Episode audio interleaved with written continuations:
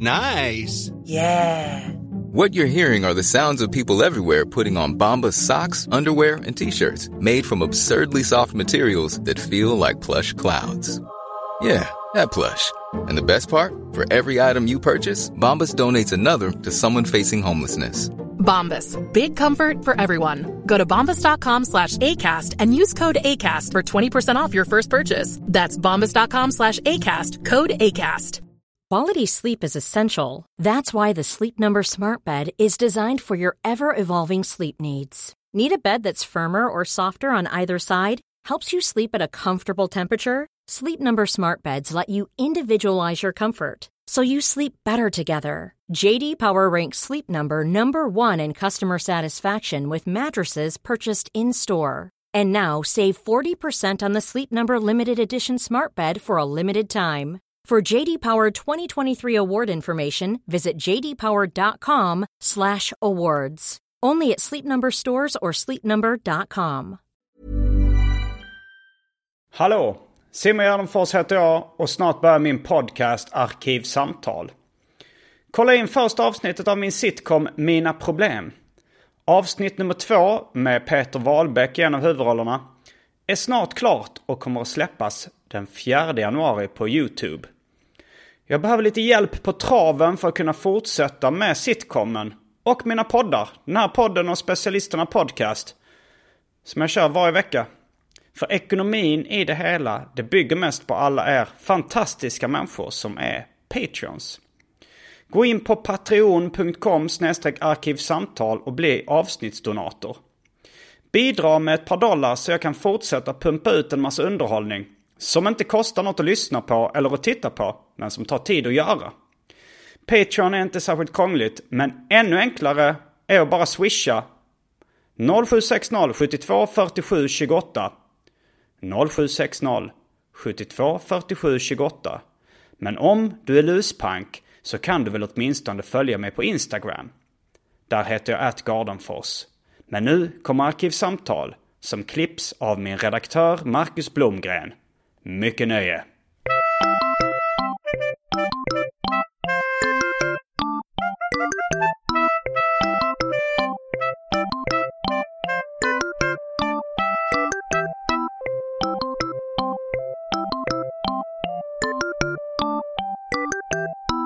Hej och välkomna till Arkivsamtal.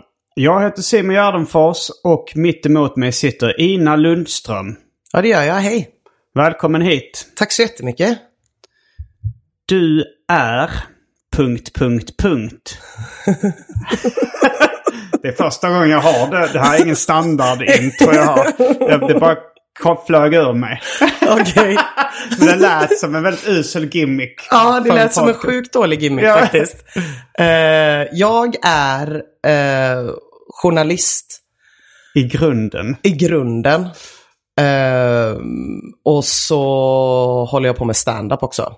Mm. Mycket. Så jag lägger mest tid på stand-up.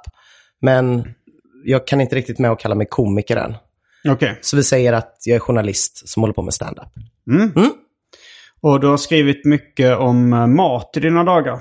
Jättemycket om mat. Ehm, dels, ja men typ i alla forum jag har jobbat som journalist i har jag skrivit om mat. Även, även när jag jobbade på Offside skrev jag, fotbollstidningen, så skrev jag liksom om vad de olika allsvenska lagen vid något tillfälle skrev jag om vad de äter som sin så här, segerrätt och sånt. ja. Så att jag har nog alltid liksom fått, maten följer med hela tiden, den är oberoende av. Den är med när jag kör stand-up med. Ja, Mycket. jag skämtar ganska mycket om mat också. Mm, Jag är intresserad av ämnet. eller hur? Eh, och det för oss in på vad vi ska prata om idag. Just det. Pizza. Svensk pizza, Uh, jaha. hoppas jag. det Annan pizza vi- kan jag inget om. Nej men eh, det är absolut. Det, kan, det här är... Vi, vi kommer ju säkert eh, beröra eh, annan pizza också. ja, men det, det är svensk pizza som du kan mest om och är mest intresserad av eller? Ja, men precis. Det är, Den svenska pizzakulturen har jag snöat in på lite grann. Men eh, herregud, ska jag komma här direkt? Det är väl klart att vi svävar runt. Mm, det tycker jag. Mm. Men jag tänker att eh, innan vi eh, sätter tänderna jo. i veckans ämne så ska vi kasta oss in på det omåttligt populära inslaget Välj drycken.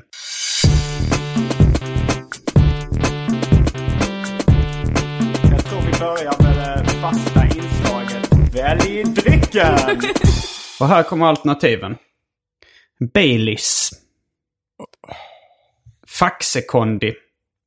Fanta Zero. Siciliansk citronsaft. Coca-Cola. Saranac Root Beer. Red Bull i smakerna kiwi, tropisk apelsin, cola. Häxblandningen, det vill säga alla drycker som fanns i min kyl innan den genomgick en så kallad corporate rebranding. Och för tråkmånsar och nejsägare, vatten. Det är ingenting av det som du är sugen på Jag, spontant? jag vill inte ha något av det, nej. Eh, men eh, då funderar jag, när man inte kan få som man vill, då kan man åtminstone vara konceptuell, Ja, tänker jag. Eh, så då tar jag cola, för det passar bra till pizza. Ja, vad hade du velat ha det? Jag hade väl, om jag fick välja hade jag velat ha en Guinness. För jag gick Okej. förbi Broder Tuck och då ryckte det i min Guinness-tarm. Eh, men eh, Ja. det kan man kanske inte heller så förvänta sig. Nej, inte om man inte ringer fyra dagar innan och ber om det. Men vi kanske skulle kunna dricka det sen. Det hade varit gott. Mm. Och kanske även äta pizza. Ja, bra idé. Mm. Eh, men då är vi strax tillbaks med dryckerna. Kända från det omåttligt populära inslaget Välj drycken. Häng med!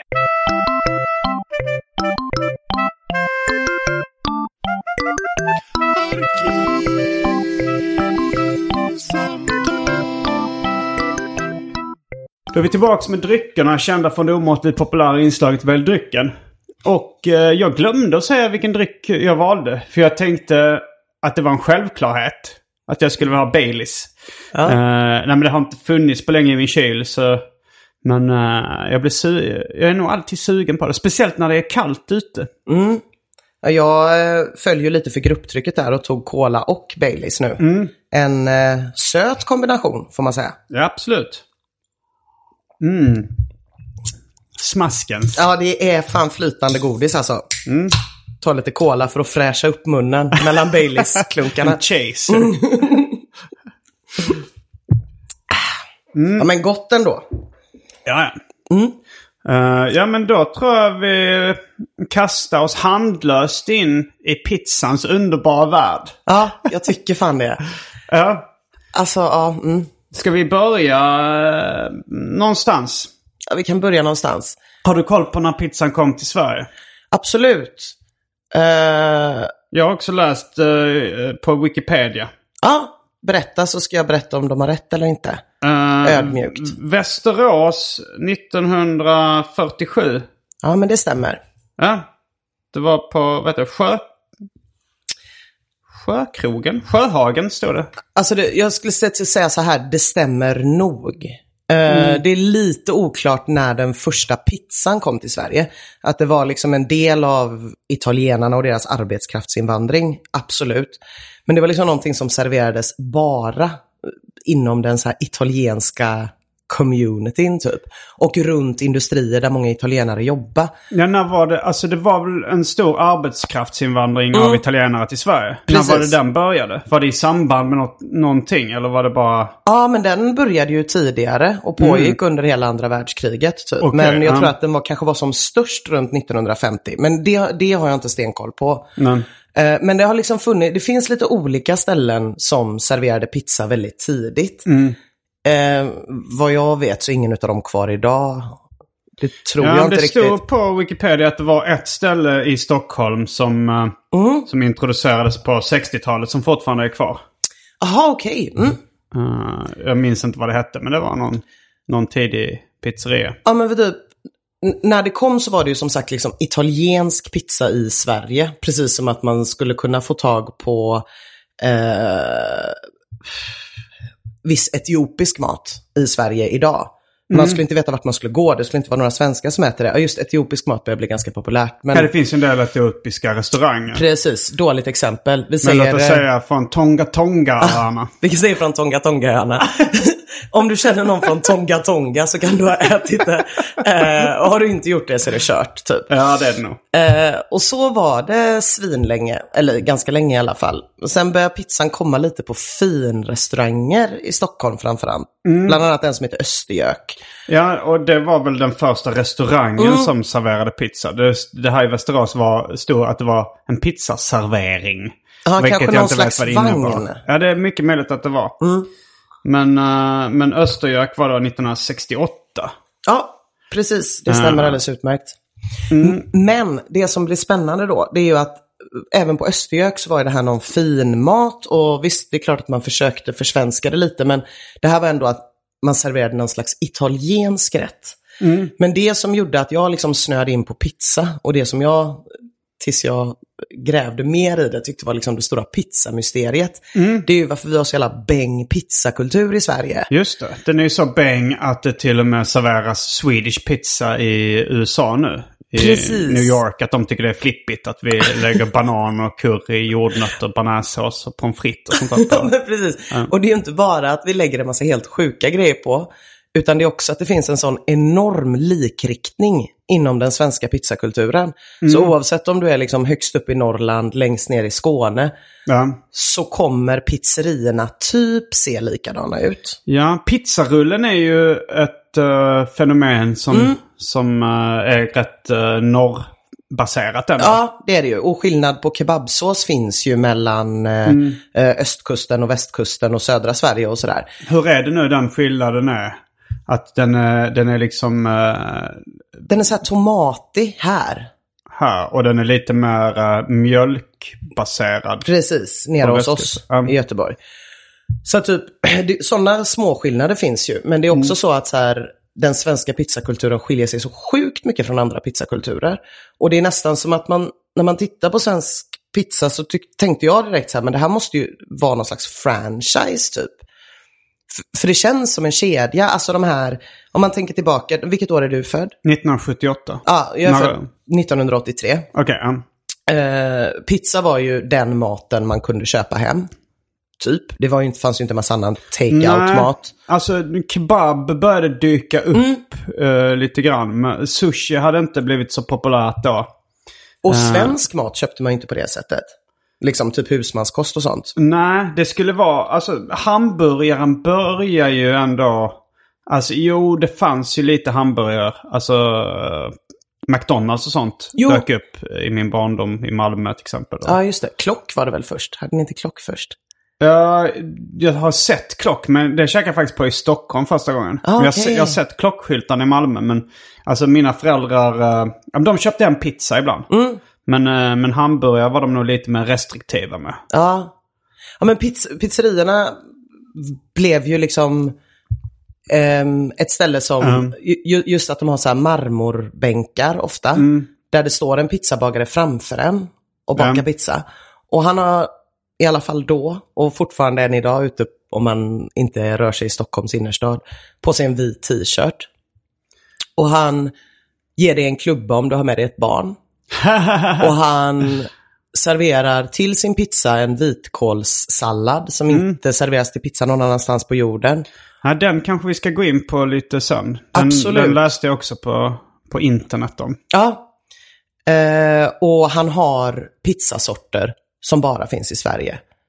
Vesuvio, Marinara, Pescatore till exempel. Som betyder samma sak var i Sverige du än är, men inte Ja. betyder något någon annanstans. Ja, men marinara, eh, den, den räknas ju som den första italienska pizzan.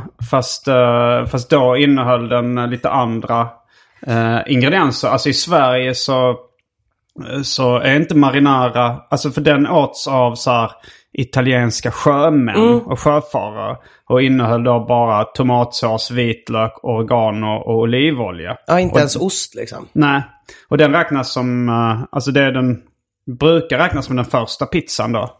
Uh, dateras till 1730. Ja, Eh, men i Sverige så, det marina temat har man ju missuppfattat då och tänker att det är som, eh, ja, men med fiskrelaterat. Ja, att det är fisk och skaldjurspizza i Ja. Sverige ibland. Men det, det är väl lite en, en feltolkning. Om man nu ska utgå från den originalnamnet. Ja, men det är det ju. Och det är ju en så här kollektiv eh, feltolkning. Och det är väl det som är så här...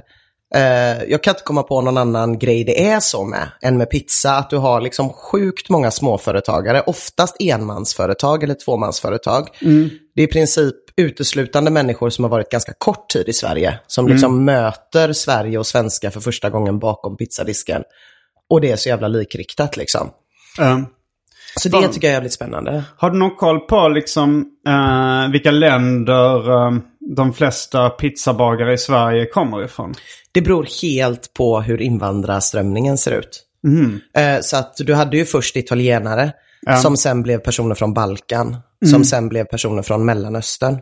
Okej. Eh, Så att eh, beroende på vilken grupp som har invandrat så har ju de varit, ja, det är ju det förs- första jobbet för väldigt många helt Ja. enkelt. Men jag tänker att, ehm, att folk ändå, alltså att det bygger rätt mycket på fördomar. eh, för att liksom folk vill kanske se någon mörkhårig liksom bakom, uh, alltså vid pizzaugnen. Alltså så att det är lättare för en, en turkisk invandrare att bli pizzabagare än en finne. Till exempel. För folk vill inte, på samma sätt som det är säkert lättare för någon från Thailand att starta en sushi-restaurang eh, än eh, någon från Somalia. Ja, ja men så är det ju, så är det ju såklart. Eh, det är ju mest vietnameser på sushi-restaurangerna i Sverige tror jag. Men, men, men exakt så är det ju. Och eh, sen är det ju ett skitjobb också. Att vara pizzabagare. Ja, det är det ju. Det är ju väldigt sällan liksom vita pengar. Ehm, och det är sjukt långa timmar. Och, Eh, är det ja. svårt att få ihop ekonomin eller eh, alltså... Frågan är eh, hur, eh, hur lukrativt det är. Ja, det fanns en tid när det var lukrativt i alla fall. Mm, ja. Eh, men nu tror jag att det är... Eh, nu, i och för sig, det var ju ett priskrig. Jag vet inte när det var i Stockholm i, och i Malmö, men i Göteborg var det priskrig på eh, sent 90-tal. Jag minns det när jag bodde i Lund. För det var ju, det, det var ju mycket studenter i Lund så att, eh, och det var ju säkert en, en stor målgrupp för pizzakonsumtion. Ja. Eh, så då var ju pizza nere på så här 20 spänn eller någonting ett tag. eh, på pizzeria Donner bland annat. Då, då tänker man att de inte har svinhöga personalkostnader i alla fall. Ah, Det har de inte. De satsar allt på råvarorna. Ja. mm, men, eh, men just pizzasalladen, eh, har, du, har du koll på den? Det finns olika teorier, men jag tror ju att allt det här har att göra med, eller det svaret jag tycker känns mest rimligt av de olika teorierna jag har hört, Ja. det är att eh, det finns en kille som startade den första svenska pizzerian. Och med det menar jag då Pescatore, Vesuvio och allt det här. Eh, pizzasallad, bagare, vita tröjor, klubba, hela den grejen. Eh, som bodde här i Stockholm, som öppnade här 1969. Han hette Gi- Giuseppe Sperandino. Och på hans första meny finns pizzasallad med. Och den har jag sett liksom. Ja. Så det är inte bara eh, myt typ. Utan Nej. den fanns på hans allra första restaurang som han öppnade i Stockholm. Ja. Och han var svinfattig när han växte upp i Italien. Eh, vallade får mot den kroatiska gränsen. Mm. Och i Kroatien finns en liknande sallad. Eh, jag vet inte vad den heter, men den typen av kålsallader är ganska vanlig i Kroatien. För det är ingenting som finns i Italien liksom. Eh, så, men, men det har jag inte hört från honom, för han lever inte längre. Det, jag har bara pratat med hans änka och dotter. Men de var så här, den salladen, han sa att den kom från Kroatien. Eh, Jo, jag läste om det också på nätet och då stod det att det var en, en kroatisk sallad som var vanlig i nordöstra Italien. Att den fanns ändå i nordöstra Italien, den salladen. Men att den... eh, Ja, och att det var han då som hade pizzeria Piazza Opera i Stockholm. ja. Var det Peppe han kallades för? Han Ja, hette- precis. eh, Ja, och det finns ju väldigt mycket fina eh, gamla artiklar med honom. Så här, liksom, ja, den här framgångsrika invandraren då. För det gick svinbra för honom. Eh, och han öppnade så sjukt mycket pizzerior. Han öppnade liksom ett tag hade han 30 pizzerior runt om i landet. Och jag tror att liksom, visst, pizza är gott. Men det var också en sån jävla succé, för han var ju den första som fattade några jävligt viktiga grejer för att få folk, framförallt svenskar som är världens matängsligaste människor, att våga prova nya maträtter. Typ, ha en pizzabagare som syns. Okej, så man inte ska säga att det är några skumma... Ja, som står och petar sig i näsan i köket. Typ. Mm. Och, det, det, har ju andra liksom, invandrarkök också använt sig av. Att laga mat framför öppen ridå. För att så här, du kan lita på mig. Och en dag så spreds den här råttan i pizzan-myten. det var ju till och med den här eh, boken av Klintberg som... eh, ja, att det, det gick eh, rykten om att det fanns råttkött i pizzor. ja, men precis. Vilket då... ja, förmodligen var en sån här en främlingsfientlig myt. Liksom. Antagligen. Och Moa Martinsson hatade på pizzan också. Mm. Det finns ett ljuvligt eh, radioklipp man kan eh, googla upp. Där hon sitter och rasar över det här nya otyget att äta pissa. hon tycker det är vidrigt. Barn... Kallades det pissa eller var det bara... Nej, jag tror hon feluttalade. Okej, eller, eller så försöker hon vara rolig, jag vet inte riktigt. Men barnen skäms när de uttalar det och det är bara en massa röra. Och vad är det för fel på spickesill och sånt? Det är hysteriskt kul. Men liksom, dels den grejen att han så här, ja men lita på mig. Men också att han gjorde någonting som inte fanns i Sverige då. Typ en slags eh, restaurang där sköna, inte jätterika, unga människor kunde gå 1969 och umgås chaucerfritt. Där det inte står en stel hovmästare och flåsar den i nacken. Och man är ute och äter på restaurang som ett event på samma sätt som man går ut och äter eller går ut på teater. Just det, man klär upp sig och... Precis. Så det var ju det här liksom, de här enkla grejerna, blyinfattade lampor, träpanel på väggarna, eh, den här lilla bastgrejen runt vinet. Det var liksom så här, nu, det passar ju väldigt bra 1969 då. När folk ville ha det lite mer eh, avslappnat typ. Men var det, hur var priserna på den tiden? Var det liksom lite billigare då också? Ja, det var mycket billigare än att gå till en så att säga vanlig restaurang. Liksom. Så att det, det gjorde ju också att det kom sjukt mycket nya människor. Och han tjänade ju så mycket pengar och öppnade nya ställen. Och sen så, alltså det passerade ju hundratals människor genom hans pizzerier bara Mm. de där första åren. Många av dem öppnade sen senare pizzor. Och eh, må- många av dem öppnade sen senare pizzerier liksom. Sina egna pizzerior? Alltså, Och då var det ju så här, du vet man kommer till ett land, man vet inte riktigt, det är inte läge att experimentera. Nej, just det. Utan det är läge att göra något som känns tryggt.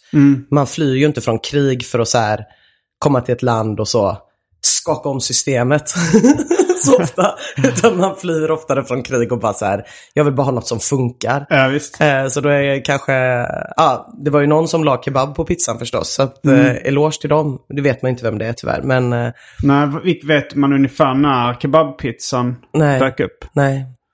Eh, det, det har inte forskats i det eller? Nej, jag frågade en måltidsforskare om det där faktiskt och han sa just att det finns liksom ingen status i pizzahistoria. Det finns ingen som är intresserad av att forska på det. Det finns ingen som är intresserad av att claima det. Och det finns ingen Nej. som liksom, ja, det finns inget coolt med det, så det är ingen som vet. Nej, men, men alltså i de första pizzerierna jag åkte till eh, på, eh, på 80-talet, då minns jag inte kebabpizza. Nej, Alltså det började, jag skulle nog säga på 90-talet så började liksom bearnaisesås och kebab. Och även liksom ibland pommes frites och, och kanske sallad till och med dyka upp på, på pizza. Att det var inte, alltså de första jag minns var nog mer eh, capricciosa, hawaii, fungi, vesuvio.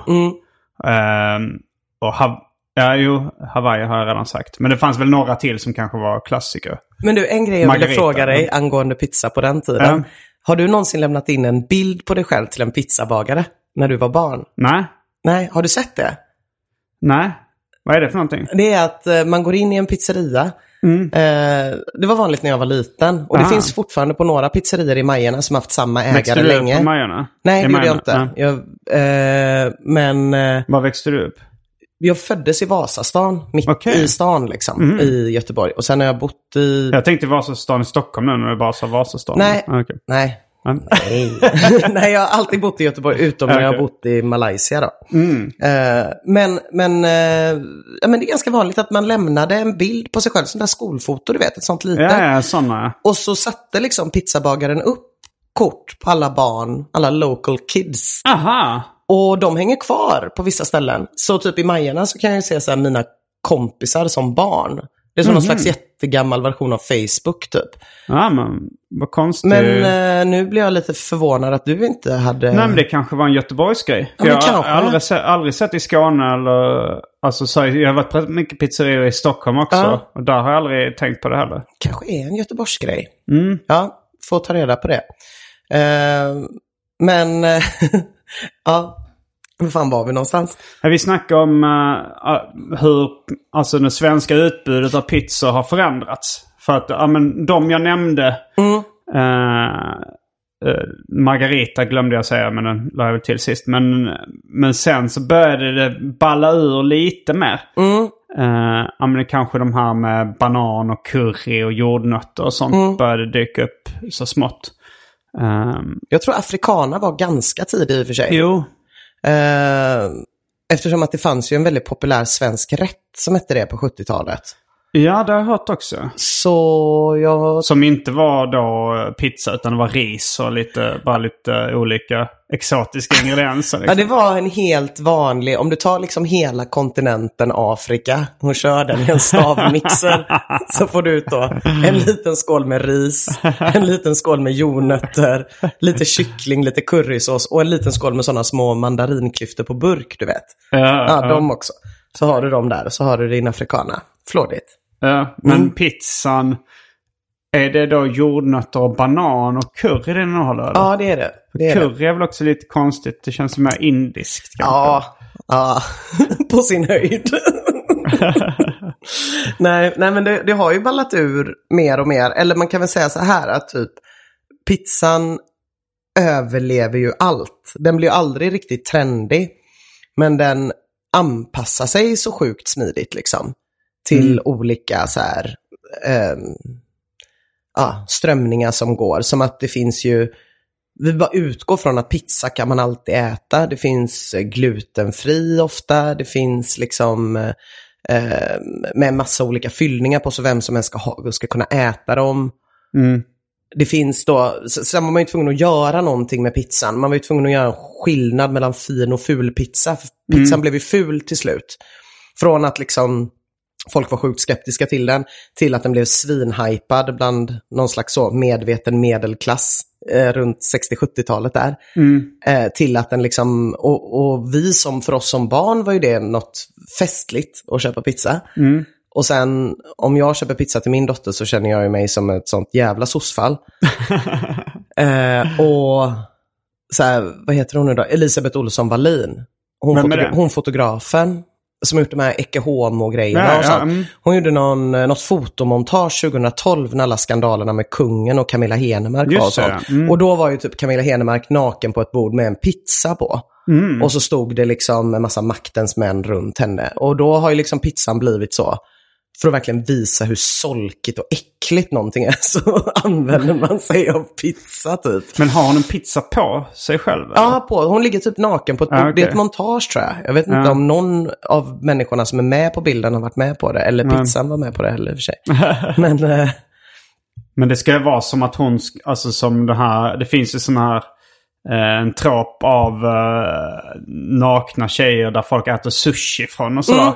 Att det skulle vara som en sån grej att folk skulle äta pizza från henne. ja, precis. Men Men det- så mycket sunkigare då. Ja. Men det har väl blivit någon symbol för Sverige också på något, på något konstigt sätt med, Ja. med pizza. Ja, men det har nog det. Men sen så blir det ju den här grejen att, att då behöver ju liksom de här människorna, motsvarande de som satt och var fräsiga 1969 på Pizza Opera i Stockholm, eh, då äter ju de kanske annan mat. Men det kan ju också vara lite så att man kanske lägger rucola på sin pizza. Ja. Eller man kör en pizza bianco utan tomatsås. Att det finns så jävla mycket så här utrymme inom pizzan. Jo, jo, absolut. De har ju, de, till exempel den här eh, eh, Omnipojos hatt. De, eh, Carl Grandin och de andra bakom eh, eh, ölmärket Omnipojo. De startade ju den här eh, Pizza Hut. Som då serverar surdegspizzor och, och eh, lite finare sorter. Precis. Man så här adlar den på något sätt. Ja, det var väl mer åt hipsterhållet. Att det ska Ja. vara... Det, det är ju inte det att det ska bli eh, liksom fint på det här operakällaren-viset. Utan kanske mer en, en, en hipp grej. Ja, att man är lite med liksom. Att man kan ta dit någon och säga det här käkar vi. Eh, Det här är svingott. Och så är det gruyère. Och så beställer man med sån självklarhet från menyn. Tjena Kalle, säger man till servitören. Jag tar det vanliga. och så tycker alla att man är så med. Ja. Eh, Medan om man går till den lokala pizzan och säger hej, det vanliga tack. Då blir det bara sad. Mm. Nej men det, det var ju så också, det dök upp liksom halloumi-pizzan när, den, när den osten kom på modet och sådär. Eh, men det, var, det har ju också, jag vet inte riktigt när de här mikropizzorna började dyka upp, alltså Billys. Det måste ju varit 91, 92 Ja, kanske sånt när mikrovågsugnen slog igenom lite. Eh, och sen så ett tag var det ju så här, lite så här extra tunna pizzor på lite finare pizzerior i, i kanske framförallt i Stockholm som Mm. blev, blev trendigt. Jag vet inte riktigt. eh, Ja, men det fanns i Göteborg också. Och då är det ju så här vedeld. Just det, vedugnen. eh, pizza. Då är det liksom också snäppet tjusigare. Så. Eh, men det som jag tycker är så jävla tråkigt med all mat i Sverige, inklusive pizzan, det är att vi är så sjukt USA-fixerade. Så att vi kan liksom aldrig uppgradera, eller vad man, ja, om man använder ordet uppgradera då, den svenska pizzan. Det är ingen som uppgraderar en eh, så här, helt vanlig kebabpizza fast gör den svingod. Utan det man gör är att när någonting har blivit stort i USA, då kör man på det. Liksom. Och då blir det det fina. Det är jag så jävla trött på. Jag tänker att nu någon gång borde ju folk kunna så här, ah, okej, men det måste inte ha slått i Williamsburg först typ. Vi får vänta då tills Swedish Pizza slår stort i Williamsburg innan... eh, Men det sjuka är att det är exakt så. För så var det ju typ med, med eh, finkorv. Alltså så här, Sverige är ändå typ något, alltså varm korv med bröd är ändå något av det liksom eh, ja, största vi har Jag i det här tänkte på det när vi landet. snackade om tidig snabbmat. Mm. När vi snackade om mat som man beställer hem. Eh, men då nämnde jag, alltså kebab är ju ett gränsfall där så det beställer man inte så ofta hem. Eller inte jag i alla fall. Men, eh, och, men varm korv var ju liksom långt tidigare än pizza. Men, eh, men folk käkade ju mest direkt på stående fot vid korvmojen liksom. Ja men precis, och så är det liksom inte någon som kan känna då någon svensk kock som bara så här, fan jag ska helt vanlig sån varmkorv eller med västkustsallad, ja det är ju mest i Göteborg man äter halvspecial och sånt, men typ jag ska göra så jävla god. Utan det är liksom när Completos, sådana varmkorvar med massa grejer på, har varit stora i USA i tio år, som det kan vara i Stockholm och sen några år senare i Göteborg, Malmö. Och sen några år senare till de andra ställena. Och sen finns det på Circle K. Mackarna och Petter Alexis kränger dem. Och man bara så här, fan, kan det aldrig vara så att någon ehm, bara tittar på vad vi har? Det låter som en sån jävla sverigedemokrat, jag menar inte det. Jag menar bara att USA-fixeringen är så jävla tröttsam. Jag tyckte mer om, som när du pratade om de här panpizzorna som kom, de frysta Billys. Då var ju också, vi har alltid varit USA-fixerade, eller sedan andra världskriget i alla fall, men då var det ju så här, American pizza, med Ja. amerikanska flaggan på. Jag gillar lite mer när det är så tydligt att vi liksom bara vill äta upp USA. Eh, till skillnad från när det kommer via något sånt hugg i ryggen. Ja, nej men eh, jag läste det också att eh, pizzan blev ju stor i Sverige och resten av världen efter att den hade blivit stor i USA i mitten av 1900-talet.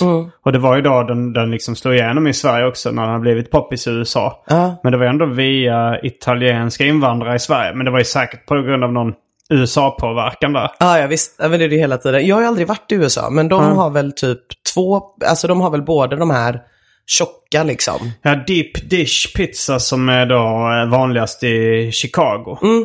Eh, Det käkade jag när jag var där. De är ju mer eh, paj-liknande. Att det, de serveras liksom i en form. Och, eh, och är extremt mäktiga. För det, de är ju nästan lika stora som en, en vanlig pizza. Men, Ah, okej, men ja. liksom djupa som fem. Ah. Så man orkar ju verkligen inte äta en hel pizza själv då. Nej. Och det tycker jag är lite konstigt i USA också att de refererar ofta till pizza som pie. Man säger a big de, ja. pizza pie. Mm, gör de. Alltså, he's baking pie. Så är det en pizzabagare. Liksom. Även när det är de här tunna pizzorna. Eh, och sen... Så i Chicago är liksom deep dish pizza en stor grej. Jag vet inte vilka andra. Det är kanske en, en eh, midwest-grej i allmänhet. Men eh, eh, sen så är ju det här pit, pizza by the slice är ju ganska mycket New York-pryl. Ah. Att man köper lite större pizzaslicer. Då, då är det ju inte heller de här runda pizzorna som är så vanliga. Utan de har stora tråg liksom med fyrkantiga pizzor. Och sen skär de ut uh, uh, slicer från dem. Och så köper man liksom en, uh, en slice därifrån. Som man kunde se Louis CK göra i introt Ja, till, till sin tv-serie. Ja. Det är en, en pizzeria som, eller pizzaställe som ligger precis där bredvid då, eh, Comedy Cellar. Ja. Eh, så det är en turistattraktion. Där kan man, man kan gå in där och käka en sån pizza. Men det är så jävla sjukt för att å ena sidan så sitter jag och bara ty tycker så här att någon borde göra en svensk pizza. Men å andra sidan så liksom, när du berättar de här amerikanska pizzorna, det är så jävla mytiskt alltså. De här pizzaslicer man såg när man var liten och kollade på Ensam Hemma. Eller Ja. Turtles, Just det, typ pizzorna i Turtles. Att man bara så här, wow, typ. Tänk att få gå på en gata i New York och äta en sån slice. det får ändå fortfarande bara är det man vill innerst inne. Men just Turtles hade väl rätt flippiga pizzor också. Alltså jag för mig, hade inte de typ avokado, jordnötssmör och sånt där? Jo, men, att, det hade de. men då var det mer en, en, en skojig grej att Ja. de skulle äta konstiga. Men det är nästan som då, jag har ju käkat avokado på pizza i Sverige. Mm. Eh, så det finns ju. Kanske jordnötssmör har jag nog inte, har, har nog inte, det är ju större i USA i och för sig än vad det är i Sverige. Ja, men det är det ju. Och sen så är ju, ja du är ju i Danmark då, som både pommes frites och spaghetti på pizza är ganska utbrett. Spaghetti? Mm. Ja, pommes frites har jag, har jag käkat i, i Sverige. Till och med eh, pizzan som hette Sverige på någon ställe hade då pommes frites på. Mm. Och kall sallad. Ja, Eh, det tycker men, jag är rätt gött. Men, ja. spaghetti, det har- Spaghetti har jag fått, det, det finns liksom i Danmark. Det är Aha. en ganska utbredd grej. Flexibility is great. That's why there's yoga. Flexibility for your insurance coverage is great too. That's why there's United Healthcare Insurance Plans. Underwritten by Golden Rule Insurance Company, United Healthcare Insurance Plans offer flexible, budget friendly coverage for medical, vision, dental, and more. One of these plans may be right for you if you're, say, between jobs, coming off your parents' plan, turning a side hustle into a full hustle, or even missed open enrollment. Want more flexibility? Find out more about United Healthcare Insurance Plans at uh1.com. Nice. Yeah. What you're hearing are the sounds of people everywhere putting on Bombas socks, underwear, and t-shirts made from absurdly soft materials that feel like plush clouds. Yeah, that plush. And the best part? For every item you purchase, Bombas donates another to someone facing homelessness. Bombas. Big comfort for everyone. Go to bombas.com slash ACAST and use code ACAST for 20% off your first purchase. That's bombas.com slash ACAST. Code ACAST. Quality sleep is essential. That's why the Sleep Number Smart Bed is designed for your ever evolving sleep needs. Need a bed that's firmer or softer on either side? Helps you sleep at a comfortable temperature? Sleep Number Smart Beds let you individualize your comfort so you sleep better together. JD Power ranks Sleep Number number 1 in customer satisfaction with mattresses purchased in-store. And now save 40% on the Sleep Number limited edition Smart Bed for a limited time. For JD Power 2023 award information, visit jdpower.com/awards. Only at Sleep Number stores or sleepnumber.com. Men, men det är också skillnad på lite när de medvetet försöker vara flippiga.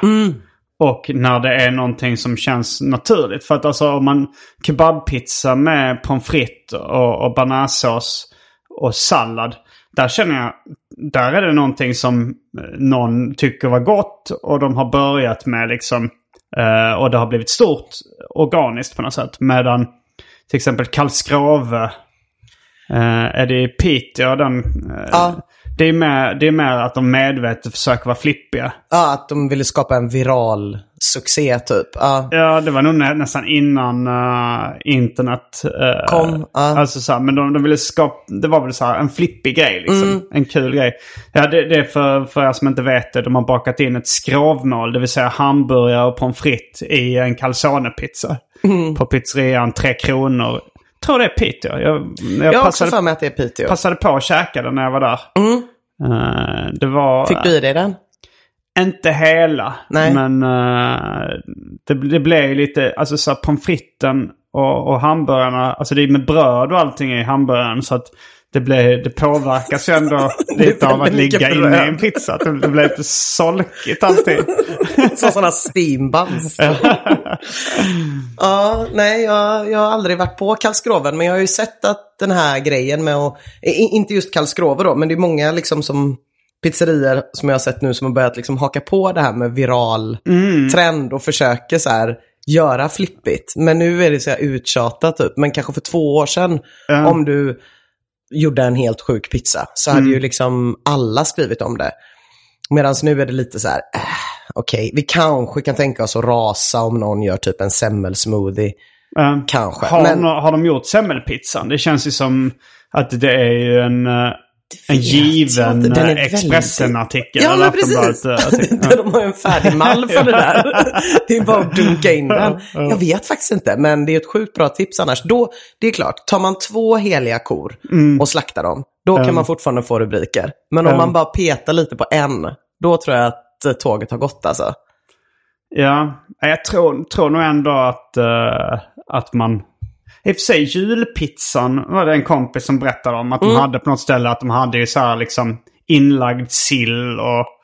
Jag vet inte om det var rödkål eller vad det var på. Antagligen. Liksom. Men det Mm. var ju också i kategorin för att vara flippig antar jag. Ja. De körde den. Antagligen. Men, ehm, ja. Det Har du någon standardbeställning när du eh, går och äter pizza? Nej, det har jag faktiskt inte. Jag äter inte kött. Eh, Fisk och skaldjur äter jag, men Mm. inte på pizzerier helst. Eh, så jag brukar eh, ta en vegetarisk grej. Och där är det lite svårt med vegetariska pizzor.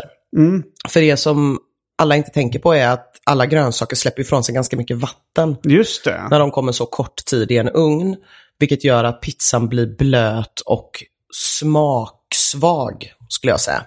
Ja, det är ett bra begrepp. För just smaklös betyder ju någonting annat än smaksvag. Ja, allting blir lite ur så. Och så försvinner skinkan som är det som ger någon slags salt i pizzan. Så att det kan man behöva kompensera upp på något sätt. Men eh, standard brukar antingen ta någon slags variant på mexicana utan köttfärs.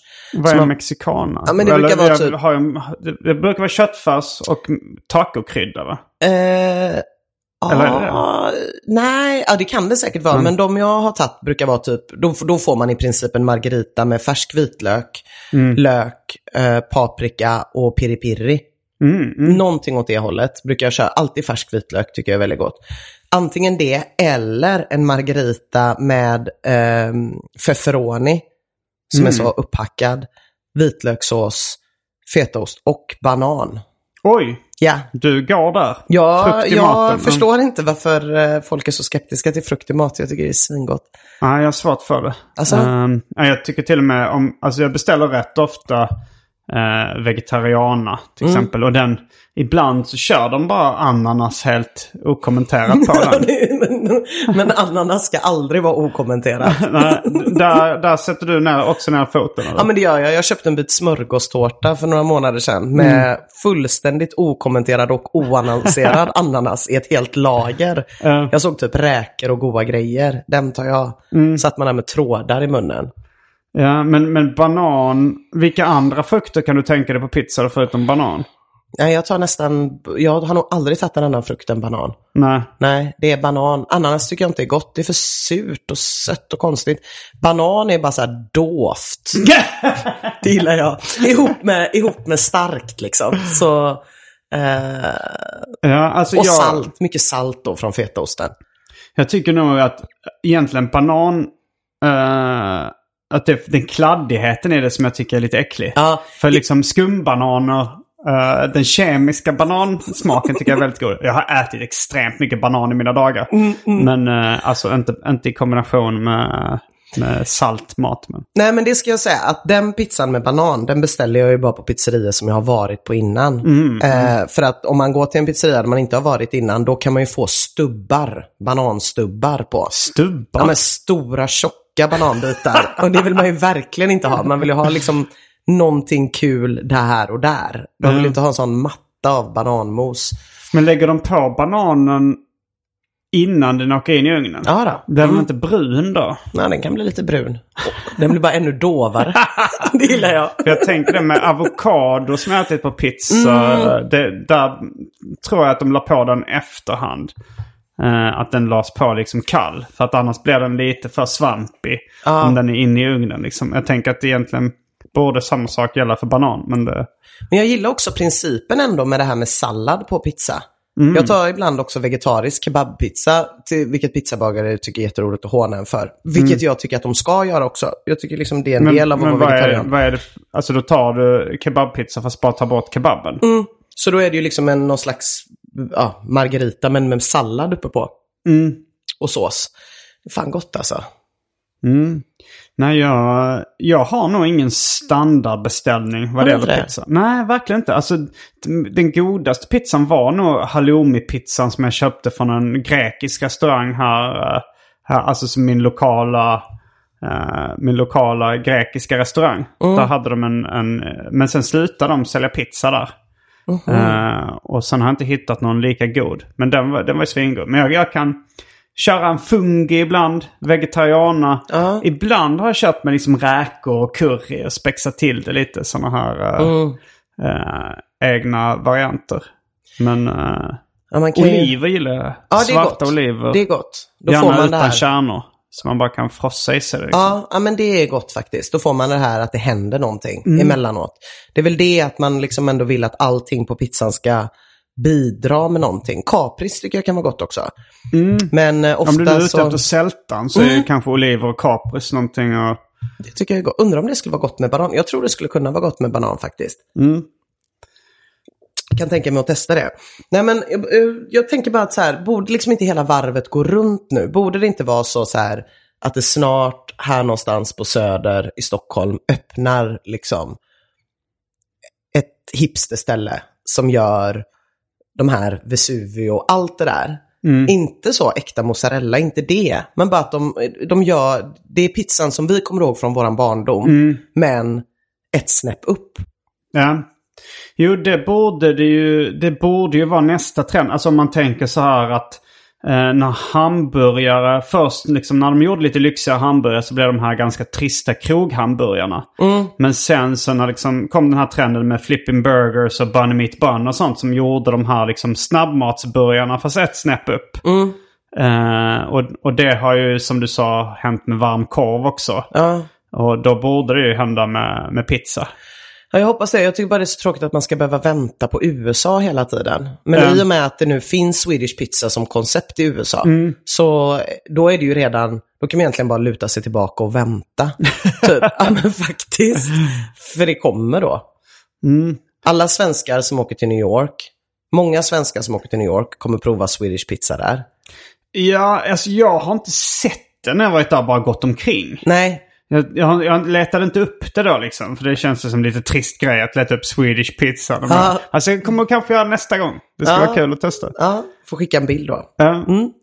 Eh, har du tänkt på en grej som också har märkt är vanligare. Det kanske är liksom i olika delar av landet. Men att folk har börjat använda en dipsås till pizza. Alltså beställa in kanske en, en, liksom en, en liten skål, en sån plastskål med liksom vitlökssås eller någon annan sås och sen doppa sin pizzaslice i den. Ja, det känns, eh, är inte det utbrett? Det kanske inte är Jo, utbrett men här. jag, upp, alltså jag upptäckte det väl kanske för tio år sedan. Alltså Mm. jag har ju ätit pizza sedan jag var eh, sju kanske.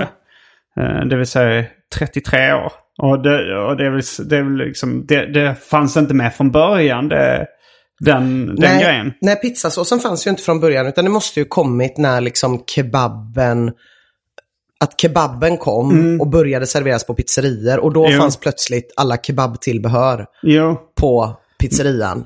Men så där gör ju jag... extern dipsås. Extern dipsås, så gör jag om jag går till en pizzeria jag inte litar på. Jaha, då beställer jag extern dipsås. Soft tjej. Nej, det vågar jag inte. Eh, om jag inte har varit där innan så tar jag alltid extern. Mm. Det kan ju gå åt helvete med de där såserna. Det har man ju varit med om. Ja. Spiskummin verkar populärt. Oj, Ja, aldrig hört talas om. I såserna ja eller jag har varit med om det säkert två gånger. Mm. Att jag liksom har bett om sås på pizzan. Och hela pizzan har smakat så spiskummin, papp spritt typ. Men har du... Vi, vi snuddade lite vid pizzarullen. Ja, Har du käkat den någon gång? jag tänker att jag har ätit den någon gång men jag kan inte komma ihåg när det skulle varit i så fall. Nej. För jag käkade när jag var i, i Östersund. Ja, En gammal flickvän som jobbar där och då så hängde jag med och hängde där en sommar. Och då så liksom på pizzerian så var det lite, det var nästan, det var i stort sett standard att beställa en pizzarulle. Och då var det liksom att de bakade en pizza eh, på ett ganska traditionellt sätt. Rulla ihop den, packa den med liksom eh, sallad och fetaost. Kanske någon annan ingrediens också. Och sen häller på liksom en sås. Alltså man behandlar den lite som en falafel eller en kebabrulle. Eh, och sen kanske liksom har en eh, aluminiumfolie eller något sånt för att staga upp den liksom i botten. Eh, och sen käkar man den som en rulle. Och det... det låter gott. Ja, det var gott. Det var ju väldigt mäktigt. För att det, man får ju dels en pizza, sen får man ju även den här fyllningen. Den extra bonusfyllningen i det. Men jag, det påminner ju om, alltså jag kom på nu att jag ätit det i Berlin. På de här dönerställena. Fast Jaha. då bakar de ju inte pizzan färdigt utan då ligger det som färdiga kalla. Är det det som är turkish pizza? Jag tror det. Ja. Ja, det är nästan ingen fyllning på dem Mm. alls. Och de lägger de på grejer på och rullar. Så det har jag ätit. Men jag har nog inte ätit den pizzarullen. Nej. Uh, nej, men det är vanligt. Jag råkade av, uh, säga då när jag var i Östersund. Uh, uh, det här har jag bara ätit i Norrland. Och uh, då var det en norrlänning där som blev uh, förbannad. För det, det, är ett, det är deras n-ord liksom att säga Norrland när man är i... Han snäs väste till att vi befinner oss i mitten av Sverige. Ja, just det. Och jag Mm, uh, sa... Han sa Östersund ligger i mitten av Sverige. Ja. Och så säger jag, ja men om man delar upp det i Götaland, Svealand och Norrland så tillhör det här ändå Norrland. Då så blängde han bara väldigt surt, surt kanske lite, även lite hotfullt på mig. Ja, för fan. Jag, har aldrig, jag, jag var i Norrland för första gången för inte så länge sedan efter att ha romantiserat det ett helt liv. Mm. Eh, det var underbart. Det var jätte, jättefint. Jag kände att det var exakt så som jag ville att det skulle vara. Ja, men det, det, jag, jag, jag jämför lite med ungefär som att, eh, eh, som om vi skulle säga eh, att, uh, nämen, att, Europ, liksom, att amerikaner, folk från USA, eh, refererar till liksom så här, här i Europa. Jag Mm. åkte till Europa Ja. i somras. Ja. Och då, säger, då, då kanske man hade reagerat lite som den här arga norrlänningen. Så här att, ja, det är Europa, men vad fan. Du behöver inte, du behöver inte snacka om så här. "Ja, Här i Europa så gör ni så här och så här. Eller som att typ sju miljoner människor någon gång runt 1970 åt afrikana. Ja, Lite jo, den jo. grejen. ja, nej det är klart det är lite taskigt. Har du några, du, har- jag gissar att du skrivit en del artiklar om pizza i, i dina jag dagar. har nog egentligen bara skrivit ett längre reportage om pizza. Mm. Sen har jag, eh, när jag varit redaktör, beställt jobb eh, Mm. från andra om pizza. Eh, men jag har inte skrivit så många. Men jag, ja, en skrev jag och det var väl typ då jag lärde mig det mesta. Mm. Det var en ganska lång artikel liksom. Var det någon vinkel på det reportaget? Eller var det bara nu ska jag skriva om pizza? Nej, utan det var ju just var kommer den ifrån? Mm, den det, var det, som var, pizzan. ja, det var det som var den drivande motorn i. Liksom. Mm. Jag har aldrig eh, brytt mig om de här, liksom, om Margarita och det var något prinsessbröllop och vem det var som bakade det. Utan Ja, det just, finns ju en känd myt om det här att det skulle vara som då eh, Italiens flagga med det vita i, i mozzarella, det gröna från basilikan eller Ja, men oreganon och så det röda tomat. Men det läste jag då på Wikipedia att det var en, en myt. Någon som hade hittat på det. Bara. Det var... Det är det som är lite tråkigt med all typ av mathistoria.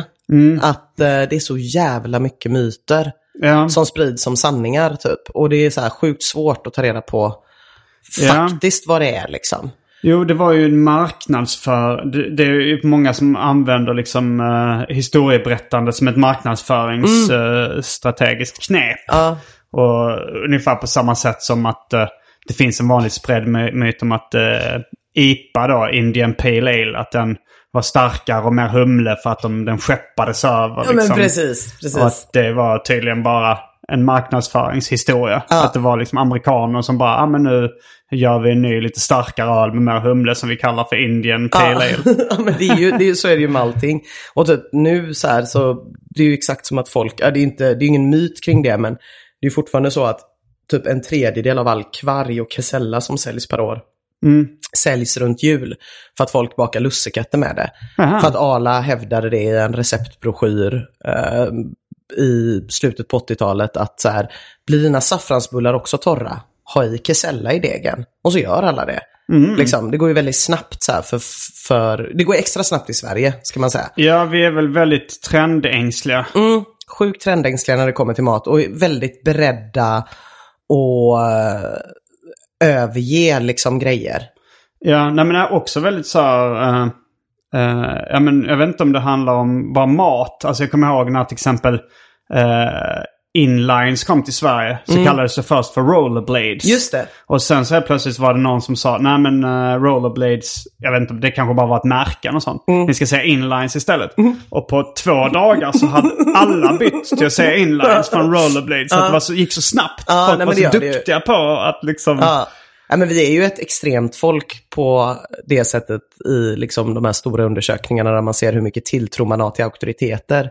Vi tror det ju- mycket på auktoriteter eller? Ja, där ligger vi ju liksom eh, utanför kartan. Typ så, här. så att det är roligt när man pratar om landet lagom. Att det finns vissa saker där vi är absolut extremast. Typ det eh, och våran icke-religiositet. Ja, ja, precis. och det- jämställdhet. Ja, så tänker man så här att alla som kommer till Sverige ska bara vara så här. Det är sjukt lätt att anpassa sig. Och så är det så här, fast alla är ganska konstiga här ändå.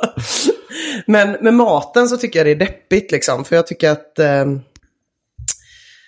oavsett vilken mattrend det är som Mm. kommer hit så är det aldrig, vi får liksom aldrig det goa och vi får aldrig utveckla Va? någonting själva. Utan det är Får vi alltid, aldrig det goa? Jag tycker aldrig det är det goa. Va, vad, vad är det du saknar i Sverige som är det goa som det finns någon annanstans? Ja, men jag tror, det, jag tror det är den respektlösheten lite grann. Att man faktiskt så här gör grejer själv. Att det inte är liksom burgarbar nummer 99 som öppnar inom samma område som också har briochebröd. Att det inte är liksom eh, steamed buns bara för att året är 2018 liksom.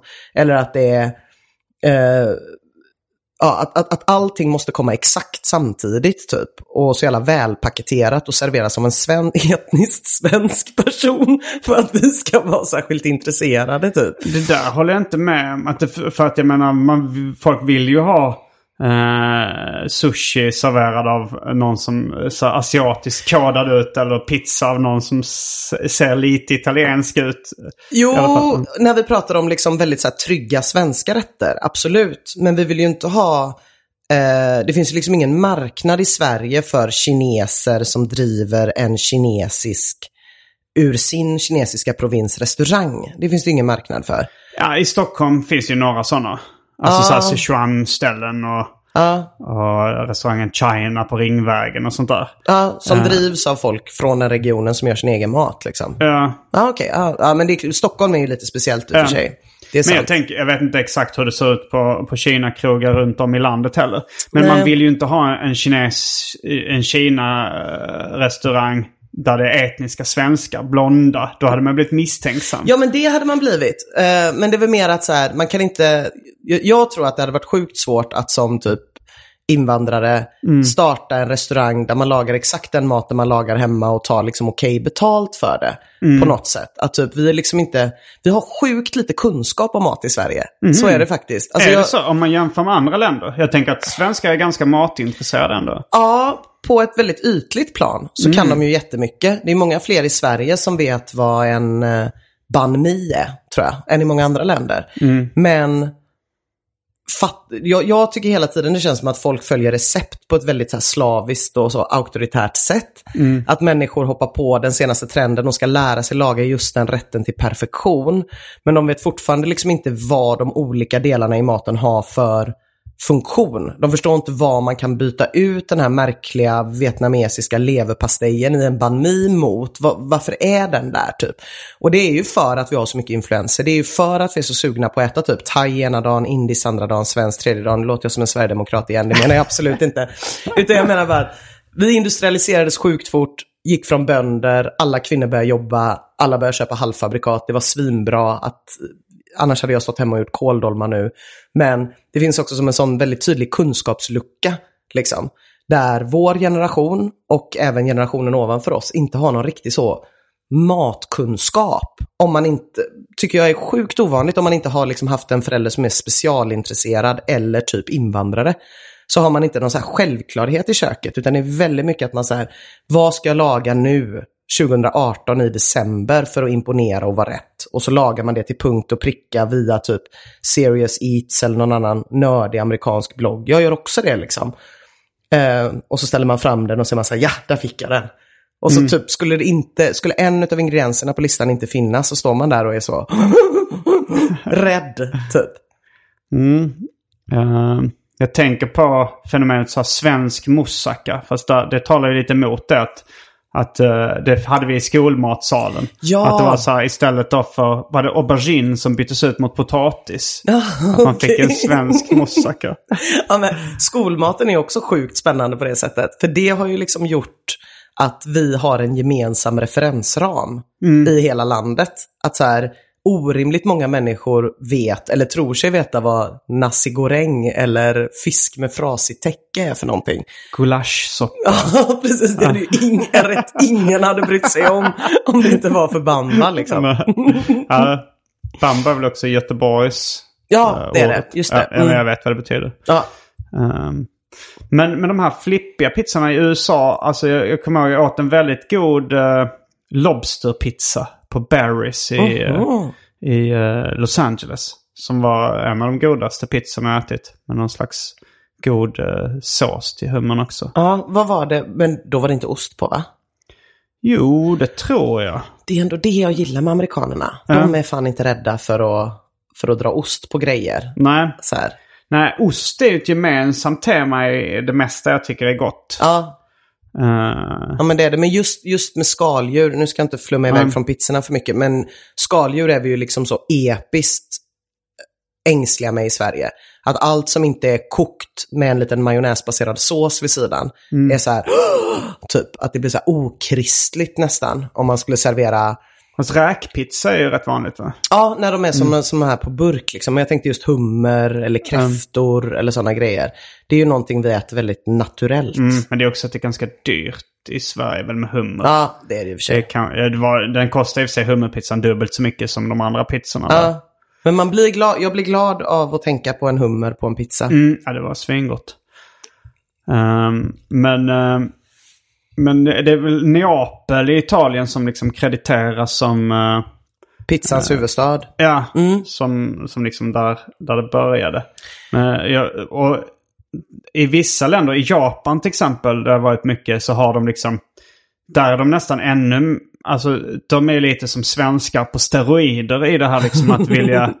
Ja, men, eh, att snöa in på någonting, kanske liksom amerikansk jazz eller Mm, liksom... ja, just det. något Svensk sånt progg. Ja, det kan det vara. Och så vill de verkligen liksom... Och, och, och det finns ju även hamburgerkultur där, men även eh, napolitanska pizzor liksom. Jag var på en, eh, en pizzeria i, i Tokyo där de liksom... Som var kända för att göra de bästa eh, pizzorna där. Liksom Napoli... Jag har så jävla svårt att uttala napolitanska. För det heter Neapel, men det blev, det blev någon som Man tungviktning. vill säga nepalesiska, Ja. men då blir det helt andra pizzor. Napolitanska. Eh, men där hade de då, eh, jag tror de hade liksom, de tänkte vi ska, vi ska ha något liksom italienskt. Jag vet inte om de via fascismen kom in på något slags krigstema på den restaurangen. Men när man kom in där så var det väldigt mycket så här kamouflage och lite krigsmemorabilia. Okej. Och på väggen så hade de ett foto av när Hitler skakar hand med Goebbels. Och vid baren så hade de en actionfigur av Adolf Hitler. Men det gjorde ju bara att man, det blev mer exotiskt. Att man gillade... Precis. Men varför, varför, varför liksom, är det, det är, Ja, det har ju inget med Italien Nej, men varför inte Mussolini? Lös, ja, de, de, de tänkte väl bara lös fascistisk koppling. Eller, jag vet faktiskt inte. Åh gud. Ja, jag, jag har ätit en del pizza i Asien också faktiskt. Men eh, där är ju Pizza Hut stort. Som i resten av världen, utom Mm. i Sverige. Jag har till och med så här fejkade Pizza Hut i eh, typ Indien Mm. Ja. och sådär. Att Ja, de, de finns. målar sina egna skyltar liksom. Ja, ja, Så ja. står det Pizza. Hut. I, där min mamma bor i Indonesien så finns det en väldigt bra restaurang som heter Kentucky Fried Tofu. Som jag kan rekommendera alla som åker till Manado att besöka. Ja, roligt. Eh, nej, men annars har jag nog inte haft någon eh, vidare pizzaupplevelse. Jag, jag, när jag reste runt i Indonesien länge, det, jag var typ 18 eller något, då fick jag ett sånt enormt ostsug till slut. Eh, för det finns varken bröd eller ost i Indonesien eh, bland rimliga människor typ. Så då gick jag till en Pizza Hut i ett shoppingmall och köpte pizza med ost och parmesan och ost i kanten hela Mm, vägen runt. ja, Så mådde jag väldigt dåligt efteråt. Det har jag faktiskt inte testat en av de här uh, pizzorna med ost i kanten. Nej, nej det, jag tycker inte det var någon jättegrej alltså. Nej. Det ser ju så gött ut bild med Ja, de där gör det. trådarna, men nej. Uh, nej, nej, Pizza Hut. eh, jag har käkat den någon gång liksom, Mm. men det är inte... Jag vet, alltså jag fattar inte att det fortfarande är så stort att det finns kvar. För att jag känner ju väldigt mycket folk som käkar extremt mycket pizza, eh, snabbmat och mycket pizza. Men eh, jag känner ingen som brukar käka på Pizza Hut. Ja, Men det är det som är så roligt, att Pizza Hut försökte ju. Har verkligen försökt med den svenska marknaden så sjukt länge. Ja. Dominos gjorde också ett halvhjärtat försök som inte Just det, funkar. det finns inte kedjor på det sättet. Nej, Nej, och både Men Pizza i... Finns ju kvar i Det Sverige. finns, Ja. men det finns ju det finns typ 3000 pizzerior och typ kanske 400 McDonalds i Sverige. Ja. Så att det är ändå så sjukt mycket mer pizzerior än vad det finns McDonalds. Ja, men Eh, då, då får du ändå räkna med eh, alla hamburgerkedjorna. Alltså Ja. Max och Burger King och sånt. Eh, Jag tror, inte om man skulle räkna in gatuköken, men jag tror Nej. skulle man räkna de tre mot pizzerierna så tror jag fortfarande du skulle ha fler pizzerior. ja, det tror jag nog också. Eh, men, men eh, Pizza Hut och Domino's, trots att i Danmark, i Norge och i Finland, runt oss, alla de tre länderna är dominerade av kedjor. Eh, Men våran pizzakultur är så stark liksom, så jag tror att det är svårt. Det skulle Ja. vara om någon gjorde en kedja baserat på det konceptet som redan finns. men just, ja, just, för, just det. Men finns det inga sådana kedjor? Det är väl online-pizza då som ska, fast det är ju en nätvariant. men men det, Ja. är, det är väl lite som du sa innan att, att det känns redan som en kedja. Ja. För, att, för att jag tror att eh, snabbmat och sånt handlar mycket om trygghet. Att man vill veta vad man får. Ja, Eh, precis. Annars tar man ju såsen på sidan. Uh, nej men, och, och liksom det, det är det som eh, McDonalds och Burger King och sånt handlar rätt mycket om att folk går dit för de vet vad de får. Och så är det men om du går till en, en svensk pizzeria så är det ju ofta att du vet vad du får i alla fall. Ja, men precis. Eh. Tänk om du är på en svensk pizzeria och du bara så här, går in och det står någon i kassan och så beställer du en pizza och så går de bak i köket och kommer ut med en kartong. Det känns så jävla konstigt. Eller om det Ja. stod typ en kvinna och bakar pizza. Har du sett det någon gång? Just det. Inte vad jag kan minnas faktiskt. Det, och jag har eh, inte ens tänkt på det. Det brukar bli typ 15 rubriker när någon kvinna bakar pizza någon gång. Jag, jag tror inte jag har sett någon blond person baka pizza heller. Nej, inte jag heller. Jag hade blivit väldigt skeptisk. ja, men precis. Att, att, nej, men det är ju exakt så. Det är en trygghet typ. Och det var väl det som var så smart av han som startade den här i 69 i Stockholm. Att så här, ska man få, ska man få de här svenskarna att våga testa det här liksom, då får man fan komma med ett helt jävla koncept typ. Ett, eh, ett koncept som jag upptäckte just i, i Williamsburg, som då Södermalm och kanske övriga Sverige har som främsta inspirationskälla. Eh, det var eh, ett koncept som var, jag såg det sen på fler ställen där i, i New York. Eh, free pizza with each drink. Att de har liksom en liten eh, en pizzabagare som står inne i baren med en öppen pizzaugn.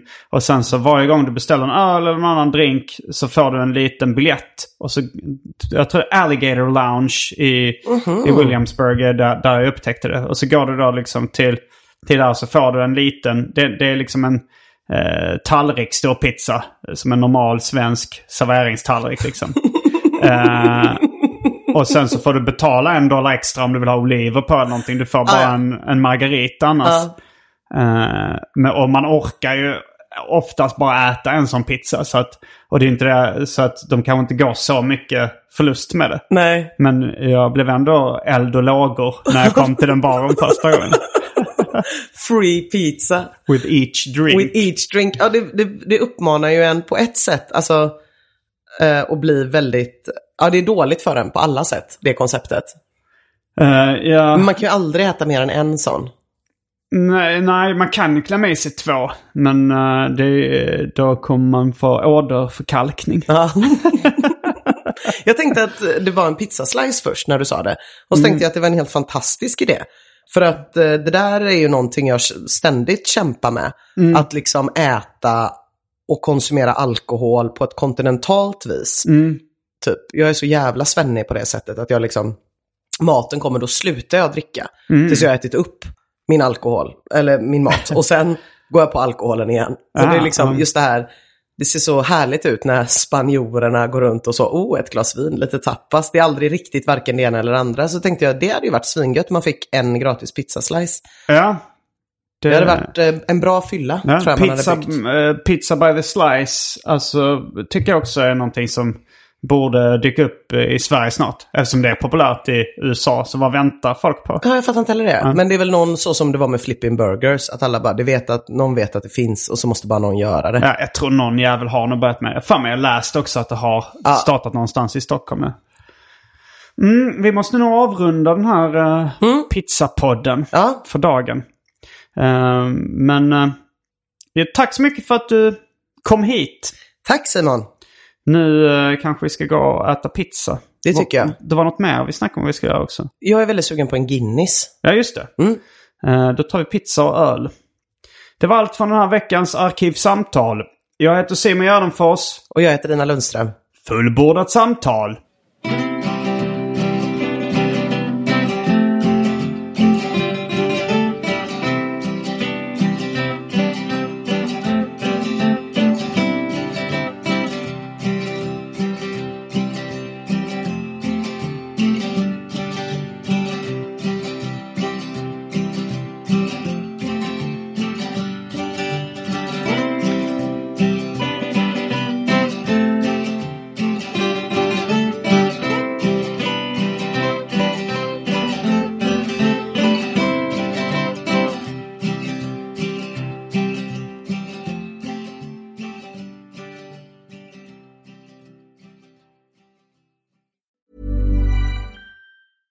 A lot can happen in the next three years. Like a chatbot may be your new best friend.